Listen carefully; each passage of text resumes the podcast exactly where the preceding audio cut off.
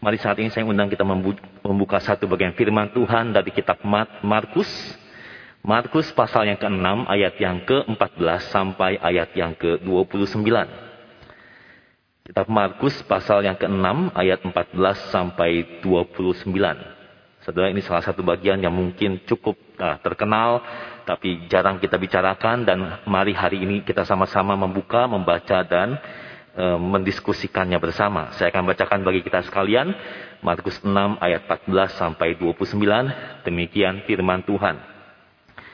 Raja Herodes juga mendengar tentang Yesus sebab namanya sudah terkenal dan orang mengatakan Yohanes Pembaptis sudah bangkit dari antara orang mati. Dan itulah sebabnya kuasa-kuasa itu bekerja di dalam dia. Yang lain mengatakan dia itu Elia. Yang lain lagi mengatakan dia itu seorang nabi sama seperti nabi-nabi yang dahulu. Waktu Herodes mendengar hal itu, ia berkata, Bukan, dia itu Yohanes yang sudah kupenggal kepalanya dan yang bangkit lagi. Sebab memang Herodeslah yang menyuruh orang menangkap Yohanes dan membelenggunya di penjara berhubung dengan peristiwa Herodias, istri Filipus saudaranya karena Herodes telah mengambilnya sebagai istri. Karena Yohanes pernah menegur Herodes, tidak halal engkau mengambil istri saudaramu. Karena itu Herodias menaruh dendam pada Yohanes dan bermaksud untuk membunuh dia. Tetapi tidak dapat. Sebab Herodes segan akan Yohanes. Karena ia tahu bahwa Yohanes adalah orang yang benar dan suci. Jadi ia melindunginya. Tetapi apabila ia mendengarkan Yohanes, hatinya selalu terombang-ambing. Namun ia merasa senang juga mendengarkan dia. Akhirnya tiba juga kesempatan yang baik bagi Herodias. Ketika Herodes pada hari ulang tahunnya mengadakan perjamuan untuk pembesar-pembesarnya, perwira-perwiranya dan orang-orang terkemuka di Galilea. Pada waktu itu anak perempuan Herodias tampil lalu menari dan ia menyukakan hati Herodes dan tamu-tamunya. Raja berkata kepada gadis itu, Minta daripadaku apa saja yang kau ingini, maka akan kuberikan kepadamu. Lalu bersumpah kepadanya, apa saja yang kau minta akan kuberikan kepadamu, sekalipun setengah dari kerajaanku. Anak itu pergi dan menanyakan ibunya, apa yang harus kuminta? Jawabnya, kepala Yohanes Pembaptis. Maka cepat-cepat ia pergi kepada raja dan meminta, Aku mau supaya sekarang juga engkau berikan kepadaku kepala Yohanes Pembaptis di sebuah talam. Lalu sangat sedihlah hati raja. Tetapi karena sumpahnya dan karena tamu-tamunya, ia tidak mau menolaknya. Raja segera menyuruh seorang pengawal dengan perintah supaya mengambil kepala Yohanes Orang itu pergi dan memenggal kepala Yohanes di penjara. Ia membawa kepala itu di sebuah talam dan memberikannya kepada gadis itu dan gadis itu memberikannya pula kepada ibunya. Ketika murid-murid Yohanes mendengar hal itu, mereka datang dan mengambil mayatnya lalu membaringkannya dalam kuburan. Sampai semikian jauh pembacaan firman Tuhan pada hari ini. Saudara, pernahkah kita diburu oleh rasa bersalah? Kita mengambil sebuah keputusan atau kita melakukan sesuatu yang salah, kita tahu itu berdosa, lalu perasaan bersalah itu mengikuti kita. Perasaan itu menghantui kita terus-menerus. Saudara, perasaan inilah yang dialami oleh Raja Herodes. Saudara mesti ingat bahwa e, ada beberapa Herodes di dalam Alkitab yang mengejar bayi Yesus di kisah Natal itu Herodes Agung. Nah ini yang kita baca di perikop hari ini adalah Herodes Antipas, salah seorang anak dari Herodes Agung. Setelah pada saat itu Yesus sudah memulai pelayanannya, ia mengajar dan melakukan banyak mujizat. Berita tentang Yesus makin tersebar luas, namanya mulai semakin terkenal dan semakin kondang, dan sampailah ke telinga Herodes. Setelah orang-orang mulai bertanya-tanya, siapakah Yesus ini? Maka muncullah tiga interpretasi atau gosip yang berkembang saat itu. yang sebetulnya adalah hoax. Yang pertama, itu adalah perwujudan Yohanes yang bangkit dari antara orang mati. Dan sekarang kuasanya bekerja di dalam diri Yesus. Yang kedua, dia adalah Nabi Elia. Yang dipercaya sebagai Nabi yang mendahului kedatangan Mesias. Dan yang ketiga, Yesus adalah seorang Nabi yang membawa pesan dari Tuhan. Saudara pada masa itu sudah tidak ada lagi Nabi selama ratusan tahun. Dan perkataan Yesus yang penuh kuasa itu diyakini sebagai firman Allah. Dia adalah seorang Nabi dari zaman dahulu. Setelah waktu Herodes mendengar gosip-gosip itu, tiga interpretasi itu, dia pilih yang pertama. Herodes percaya bahwa Yesus adalah jelmaan Yohanes yang sudah dia penggal kepalanya dan sekarang sudah bangkit. Sudah kenapa? Pertanyaannya Herodes itu pilih interpretasi yang pertama. Sudah Markus mengungkapkan karena Herodeslah yang membunuh Yohanes. Sudah sangat mungkin dia sadar bahwa perbuatannya itu salah. Mungkin dia mencoba untuk melupakan dosanya itu. Menguburnya dalam-dalam. Tetapi ketika dia mendengar tentang Yesus, tiba-tiba peristiwa itu mencuat kembali dalam ingatannya.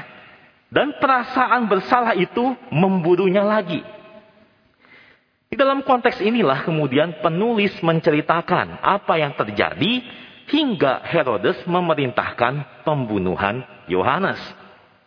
Nah, saudara, mari kita melihat kembali bagian ini. Masalah itu bermula ketika Herodes Antipas merebut istri orang. Herodias sebetulnya sudah menjadi istrinya Filipus. Sedangkan Filipus adalah saudara tiri dari Herodes Antipas. Nah, saudara, saat itu Herodes sendiri sebetulnya sudah beristri. Tahu dari mana? Saudara itu menurut sejarawan Yosefus, sejarawan Yahudi. Maka Herodias yang adalah keturunan Yahudi, saudara dia menuntut supaya e, Herodes itu menceraikan istrinya. Dia tidak mau berpoligami. Maka istrinya itu diceraikan dan akhirnya Herodes pun mengambil Herodias menjadi istrinya. Setelah lalu muncullah Yohanes yang melihat perbuatan ini melanggar hukum Taurat. Setelah hukum Tuhan di dalam kitab Imamat sudah bisa lihat ya pasal 18 ayat 16, pasal 20 ayat 21 dengan gamblang melarang seorang laki-laki mengambil istri saudaranya selama saudaranya itu masih hidup. Maka saudara Yohanes pun menegur Herodes, tidak halal engkau mengambil istri saudaramu. Akibat teguran ini, Yohanes pun ditangkap dan dijebloskan ke dalam penjara. Sejarawan Yosefus melihat tindakan Herodes ini dimotivasi oleh alasan politis. Yohanes adalah tokoh agama yang disegani oleh banyak rakyat Yahudi. Maka perkataannya itu bisa-bisa ditunggangi oleh lawan-lawan politiknya untuk menyulut amarah rakyat dan kemudian membangkitkan revolusi. Maka saudara Herodes segera menciduk Yohanes dan memenjarakannya demi membungkam mulut Yohanes Pembaptis. Tetapi Herodias, sang istri, tidak merasa cukup dengan hanya Yohanes di penjara. Herodias tidak bisa terima teguran Yohanes. Bahkan dicatat dia menaruh dendam begitu dengkinya hingga dia ingin membunuh Yohanes. Bisa dibayangkan betapa kesalnya Herodias ketika sang suami tidak bersedia membunuh Yohanes, melainkan hanya memasukkannya musuhnya itu ke dalam penjara. Sebenarnya mengapa Yohanes tidak uh, Herodes tidak mau membunuh Yohanes? Dicatatkan Herodes tahu Yohanes adalah orang yang benar, orang yang suci, sehingga dia segan dan dia malah berniat melindunginya. Nah, maka dendam kesumat Herodias itu pun tidak berhasil dilampiaskan. Tetapi Herodias itu wanita yang sabar. Jahat tapi sabar. Dia tunggu kesempatan yang baik. Dan waktu itu pun tiba. Ketika Herodes merayakan ulang tahunnya dengan mengadakan suatu pesta perjamuan yang besar. Dia mengundang para pejabat, jenderal-jenderalnya, dan orang-orang terkemuka di Galilea datang ke pestanya. Dan di dalam pesta itu dipertontonkan suatu acara yang memukau Herodes dan para hadirin, yaitu tarian seorang gadis yang adalah anak perempuan Herodias. Kemungkinan saudara gadis ini adalah e, dari perkawinan dengan suami sebelumnya dengan Filipus. Para penafsir mengungkapkan bahwa dalam budaya masa itu sangat tidak lazim, sangat tidak umum bahwa seorang putri bangsawan memberikan pertunjukan tarian seperti itu. Biasanya yang tampil adalah para penari profesional atau bahkan para pelacur. Maka sangat mungkin pertunjukan ini adalah bagian dari rencana Herodias. Herodes pun sangat senang dan terkesan. Dan dia menjanjikan sebuah hadiah kepada sang gadis. Mintalah daripadaku apa saja yang kau ingini, maka akan kuberikan kepadamu. Ia bahkan mengulangi pernyataan itu dengan bersumpah. Lalu sang gadis itu segera pergi, bertanya kepada ibunya, Herodias, apa yang harus kuminta? Dan saudara kita bisa bayangkan, Herodias dengan senyuman liciknya itu menjawab singkat. Kepala Yohanes Pembaptis. Gadis itu pun mendatangi Herodes dan berkata, Aku mau supaya sekarang juga engkau berikan kepadaku kepala Yohanes Pembaptis di sebuah talam. Menarik bahwa sang gadis tidak terlihat terkejut mendengar permintaan ibunya. Dia malah minta kepala Yohanes dibawa kepadanya di sebuah tempat saji, seperti hidangan dalam sebuah pesta. Saya percaya bahwa seketika itu juga terjadi keheningan. Para hadirin terhenyak, suasana itu hening dan mencekam, dan dicatat bahwa Raja Herodes menjadi sangat sedih. Ia sadar bahwa dirinya sudah diperdaya oleh istrinya. Kata sangat sedih itu dipakai oleh penulis Markus dalam bagian lain. Ketika Tuhan Yesus bergumul di taman Getsemani. Sudah bisa baca itu. Hatiku sangat sedih. Seperti mau mati rasanya. Jadi saudara kita bisa melihat bahwa hati Herodes itu bergejolak. Perasaannya itu campur aduk. Ada rasa sedih, ada rasa marah mungkin kepada istrinya. Ada penyesalan kenapa saya harus bersumpah seperti itu. Sudah pikirannya kusut dan dia harus segera mengambil keputusan. Nah, kita tahu akhir ceritanya. Herodes tidak mau menolak permintaan sang gadis. Karena dia tidak mau kehilangan muka di hadapan para tamu pentingnya. Kepala Yohanes pun dipenggal, dibawa di sebuah talam, diberikan kepada gadis itu, dan gadis itu memberikannya kepada ibunya. Saya tidak bisa membayangkan suasana pesta perjamuan hari itu. Saya rasa, saudara, itu sebuah pesta yang diselimuti oleh kengerian. Mungkin sesudah peristiwa itu tidak ada yang nafsu makan, dan hampir pasti satu-satunya orang yang senang dan gembira adalah Herodias. Lalu apa yang kita bisa pelajari dari kisah gelap ini? So, saya kita bisa belajar bagaimana manusia meresponi kebenaran yang dari Tuhan. Saya mengajak kita melihat tiga karakter yang mewakili sikap hati manusia terhadap kebenaran firman Tuhan. Yang pertama, saudara, kita bisa melihat seorang Yohanes. Ya, Yohanes bagi saya adalah orang yang menjunjung tinggi kebenaran Allah. Kita tahu bahwa Yohanes Pembaptis adalah orang yang ditunjuk untuk mempersiapkan jalan bagi Tuhan Yesus. Dia bukan seorang lulusan sekolah teologi mana-mana, tetapi dia menyuarakan firman Tuhan di padang gurun. Yohanes tidak punya gelar, kedudukan, dia hidup sangat sederhana, dicatat pakaiannya jubah bulu unta, dengan ikat pinggang kulit dan makanannya adalah belalang dan madu hutan. Tetapi ia dengan setia memberitakan bahwa kerajaan Allah sudah dekat, menyerukan pertobatan, dan orang banyak berbondong-bondong datang kepadanya, memberi diri mereka dibaptis. Dan karena ia tidak mengejar kekayaan ataupun kedudukan, Yohanes itu tidak ragu menegur siapa pun yang melanggar hukum Tuhan. Ia tidak pandang bulu karena ia memiliki hati yang takut akan Tuhan. Yang Yohanes utamakan adalah firman Tuhan, kehendaknya dan perintahnya. Ia rindu manusia yang berdosa itu untuk bertobat dari jalannya yang berdosa. Maka ketika mengetahui Herodes melakukan dosa dengan menikahi istri saudaranya, ia tidak ragu menegur sang raja. Saya rasa Yohanes sadar betul akan bahaya yang bisa menimpanya jika ia menyingkapkan dosa Raja Herodes. Nyawa adalah taruhannya.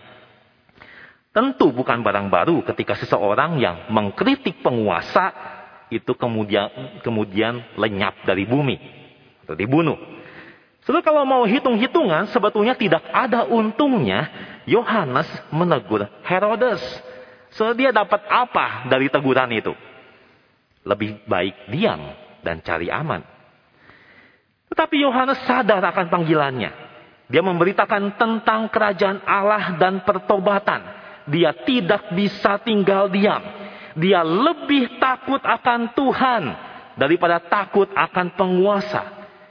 Maka Yohanes siap mengalami kerugian apa pun juga, bahkan kehilangan nyawanya asalkan dia setia kepada ajaran firman.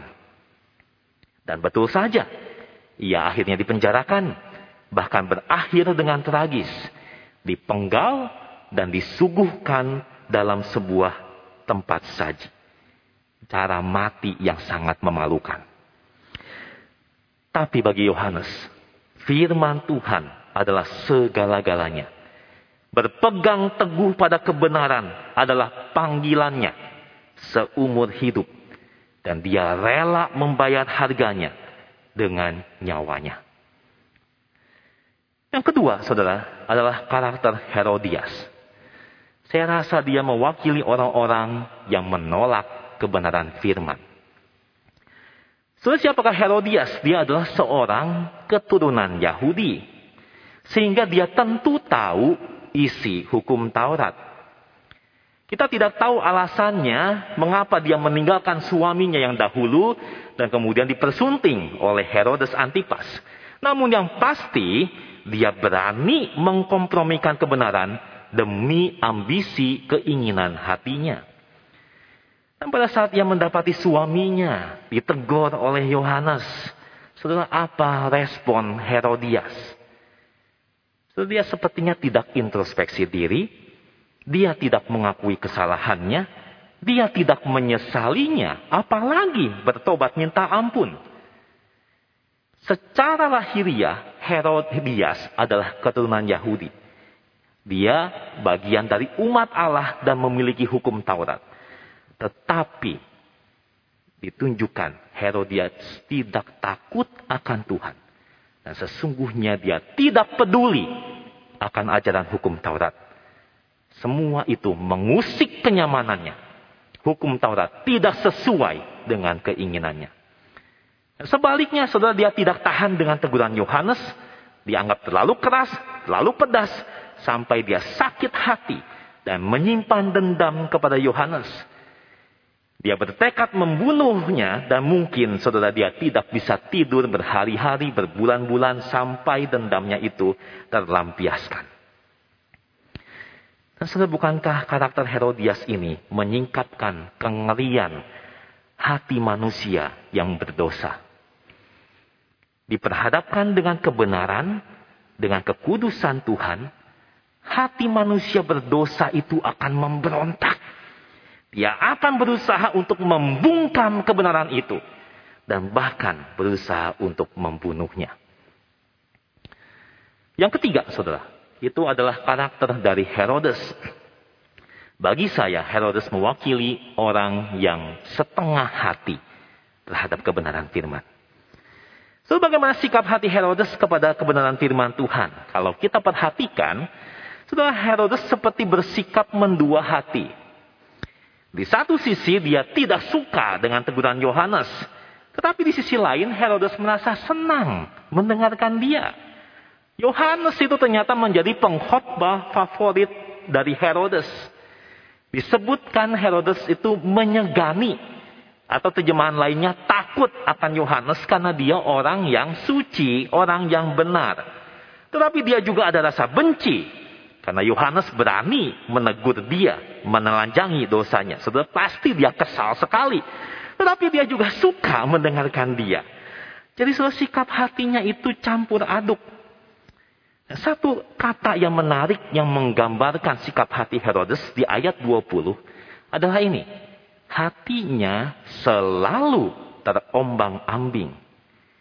Herodes adalah orang yang suka dengan kebenaran, tetapi tidak bersedia menaati kebenaran itu sepenuhnya. Dengan kata lain, kebenaran yang Herodes dengar itu menawan pikirannya. Kebenaran itu sanggup memikat perasaannya, emosinya. Tetapi kebenaran itu tidak sanggup, tidak berhasil mengubah hati dan kelakuannya. Hal ini jelas terlihat ketika dia dicatat sangat sedih mendengar permintaan sang gadis. Tetapi akhirnya mengabulkan permintaan itu.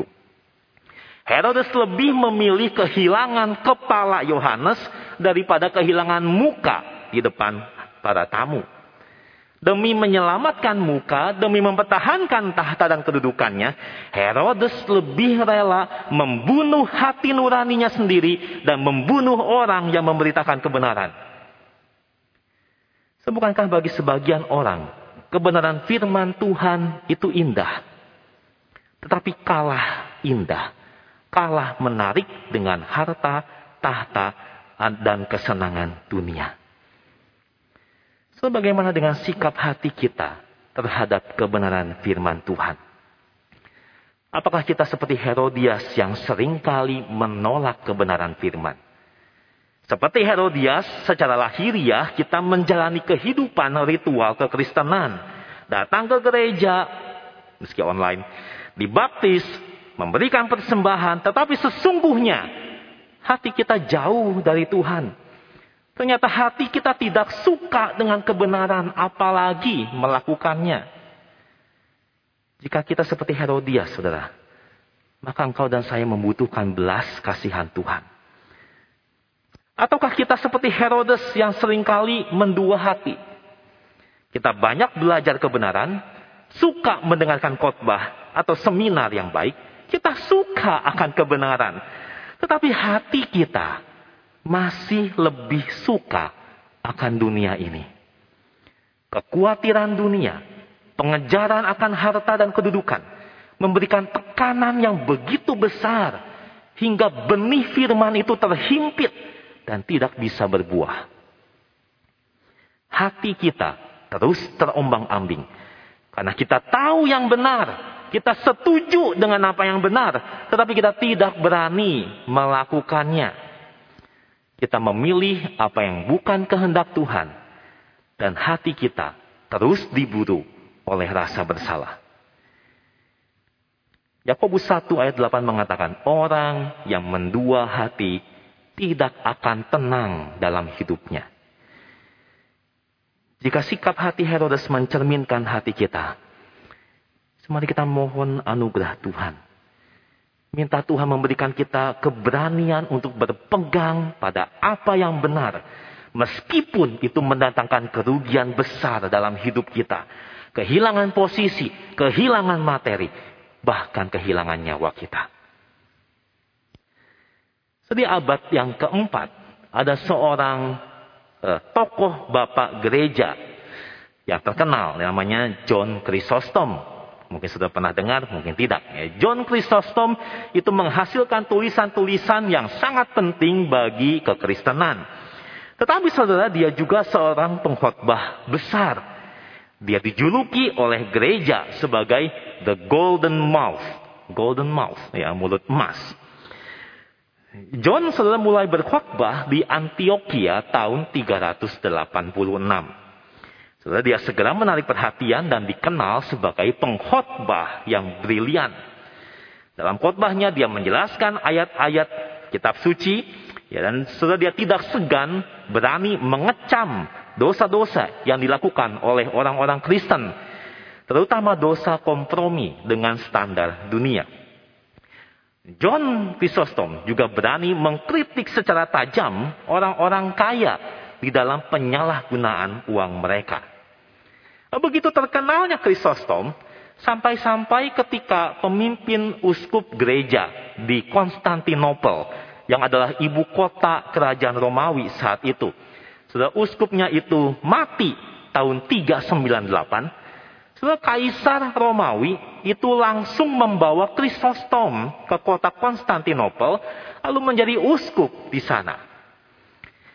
Nah, saudara Krisostom lagi-lagi membuktikan dirinya sebagai pengkhotbah hebat. Penduduk di kota itu segera menyukai dan mengagumi khotbah-khotbahnya.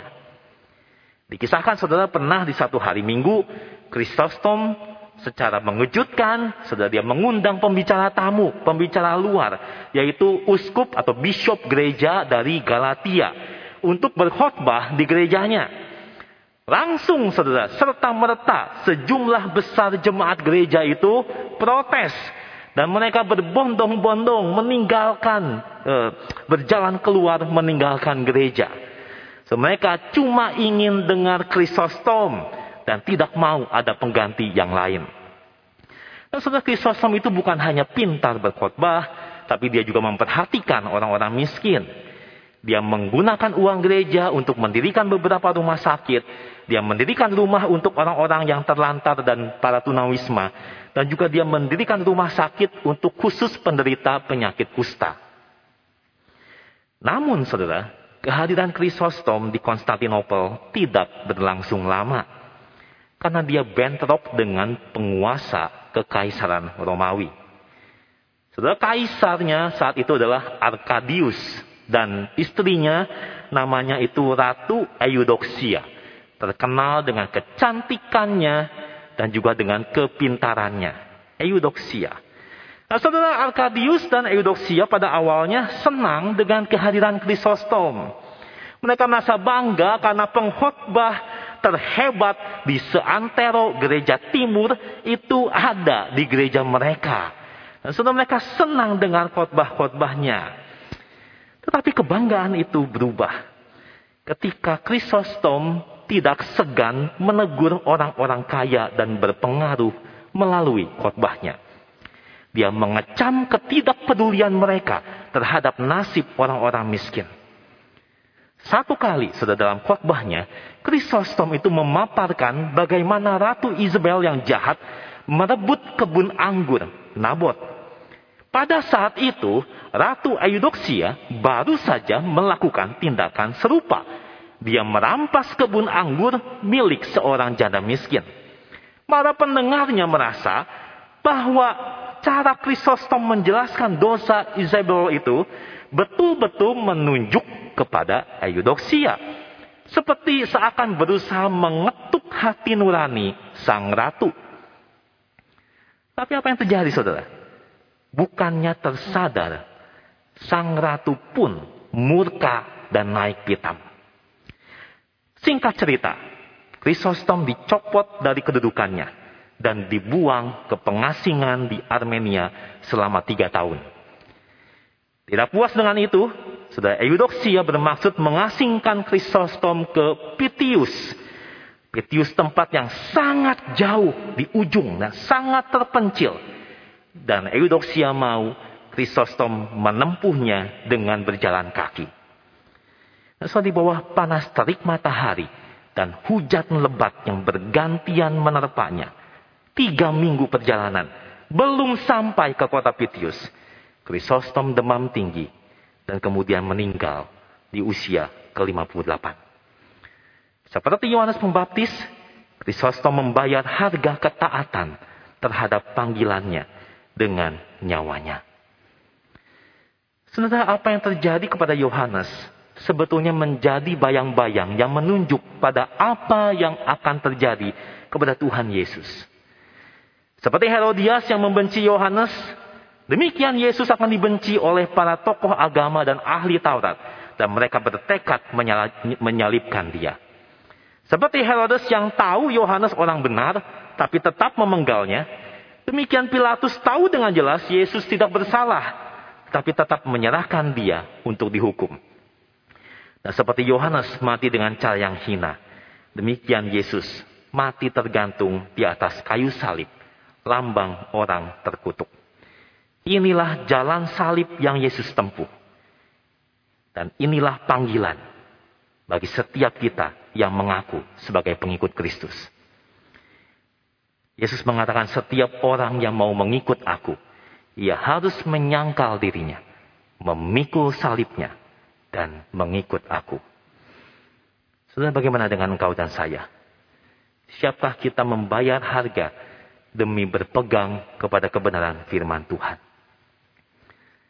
Seberapa engkau dan saya rela taat penuh kepada firman Tuhan dan rela membayar harga sesungguhnya bergantung pada seberapa dalam kita mencintai, mengasihi sesuatu atau seseorang itu. Tuhan Yesus mengatakan juga, "Jikalau kamu mengasihi Aku, kamu akan menuruti segala perintahku." So, Injil bukan hanya membebaskan engkau dan saya dari dosa dan memberikan surga nanti.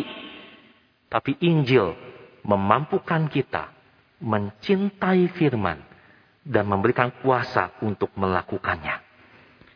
Mari saudara kita minta Tuhan tambahkan kasih kita kepadanya. Di tengah kondisi apa pun yang kita alami saat ini, biarlah kita berpegang kepada firman Tuhan. Biarlah firman Tuhan itu sungguh menyukakan hati kita. Dan kiranya firman itu memampukan kita untuk setia, taat kepada Tuhan. Mari kita masuk dalam doa.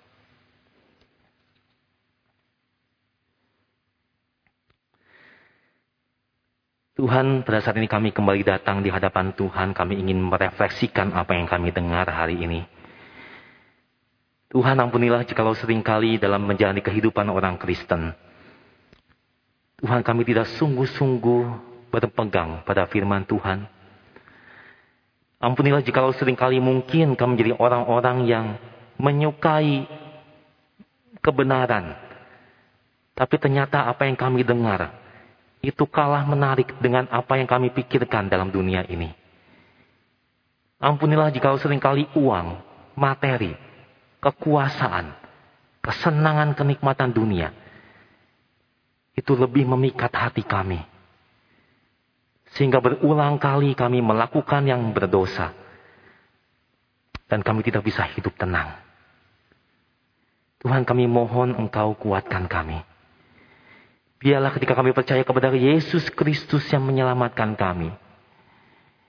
Tuhan kami boleh mengalami seperti apa yang Petrus tuliskan. Bahwa kami tidak melihat engkau. Tapi kami boleh mengasihi engkau. Dan bahwa kami untuk mengasihi firman Tuhan. Dan melihat firman itu lebih berharga dari apa pun juga dalam dunia ini. Tuhan tolong kami. Untuk melihat bahwa segala sesuatu dalam dunia ini redup. Bahkan cara mati kami sehina apa pun itu tidak berarti. Asalkan kami boleh taat kepada engkau. Mencintai firman. Dan melakukannya dalam hidup kami. Tolong kami ya Allah. Di dalam nama Tuhan Yesus Kristus, kami berdoa. Amin.